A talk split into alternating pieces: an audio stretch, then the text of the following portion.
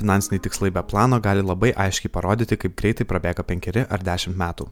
Neretas įsivaizduojame, kad po penkerių metų turėsime nuosavą būstą ar nemažą sumą uždirbtą iš investicijų, tai jaukų sodo namelį ant ežero kranto. Tačiau be aiškaus ilgalaikio plano metai prabėga greitai ir dažniausiai neįtin rezultatyviai.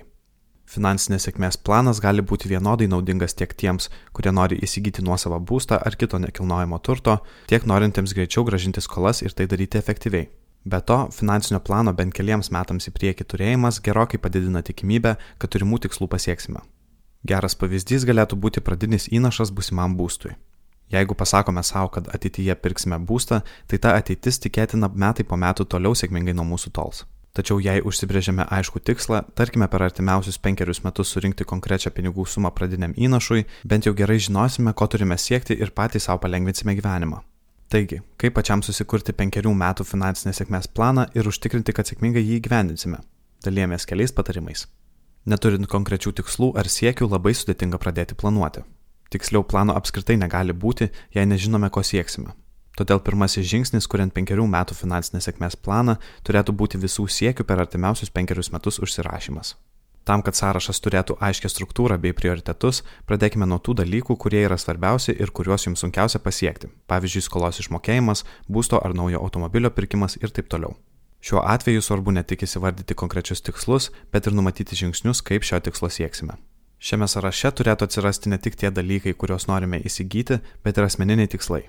Pavyzdžiui, kiek ketiname uždirbti po 2-3 metų, ar ketiname gauti papildomų pajamų, kaip jos didės. Nusimatę tai, galėsime aiškiau stebėti, kada įgyvendinsime prieš tai išsikeltus finansinius tikslus ir kiek pinigų liks kitų norų įgyvendinimui. Į šį sąrašą taip pat pravartu įtraukti ir mažesnius norus, pavyzdžiui, keliones, pramogas. Kuriant penkerių metų finansinės sėkmės planą, svarbu nepamiršti to, kad tai yra ilgesnis laiko tarpas, todėl norėdami sėkmingų rezultatų turime atidžiai stebėti savo progresą. Pavyzdžiui, jeigu mūsų tikslas yra per penkerius metus sukaupti 10 tūkstančių eurų, per vienerius metus reikia sukaupti 2 tūkstančius eurų arba atsidėti kiek daugiau nei 160 eurų per mėnesį. Jei kiekvieno mėnesio pradžioje, vos gavę atlyginimą, išsik atidedame taupimui skirtą sumą, pakankamai aišku, kad vykdyti planą sekasi sėkmingai.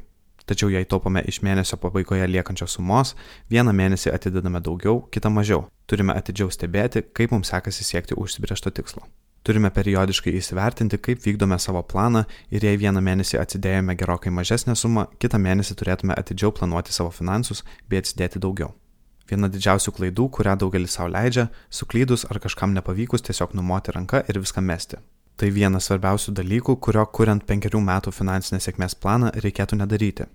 Jei tokį planą kuriame ir jo laikomės pirmą kartą, pradžioje tinkamai planuoti ir efektyviai siekti užsibriešto tikslo gali nepavykti. Tačiau pirmasis bandymas jau leido sukaupti tam tikros patirties, aiškiau suvokti savo biudžeto galimybės, padėjo suprasti dažniausius klystkelius, į kuriuos nukrypstame nuo plano. Jei kelis mėnesius ar pusmetį mums niekaip nepavyko apsibrieštų keliu, turime dar pusmetį ir likusius ketvirtą metų. Tiesa, čia svarbu pernelyg neatsipalaiduoti ir neprieiti išvados, kad jei šiemet nepavyko, pavyks kitais metais, nes čia vėl galima įsisukti į užburtą ratą, kuriame finansinė drausmė ir tikslai slenkasi visi kitus metus. Egzistuoja daugeliu žinomas posakis - vienas laukia ne karys. Kalbant apie ilgalaikę finansinės sėkmės plano sėkimą, šis posakis taip pat aktuolus.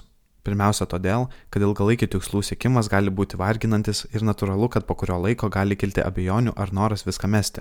Tačiau jei panašiu metu savo finansinės sėkmės plano pradės siekti ir mūsų draugai ar kuris nors šeimos narys, tai padės ir mums nenukrypti nuo savo tikslo. Tokiu atveju pasąmoningai norėsis neatsilikti nuo draugų ar artimųjų siekiant tikslo, nuolat turėsime į ką lygiuotis ir žinoma, kam pasiguosti ar paburnoti, kad ne viskas siekiant plano sekasi kaip norėtume.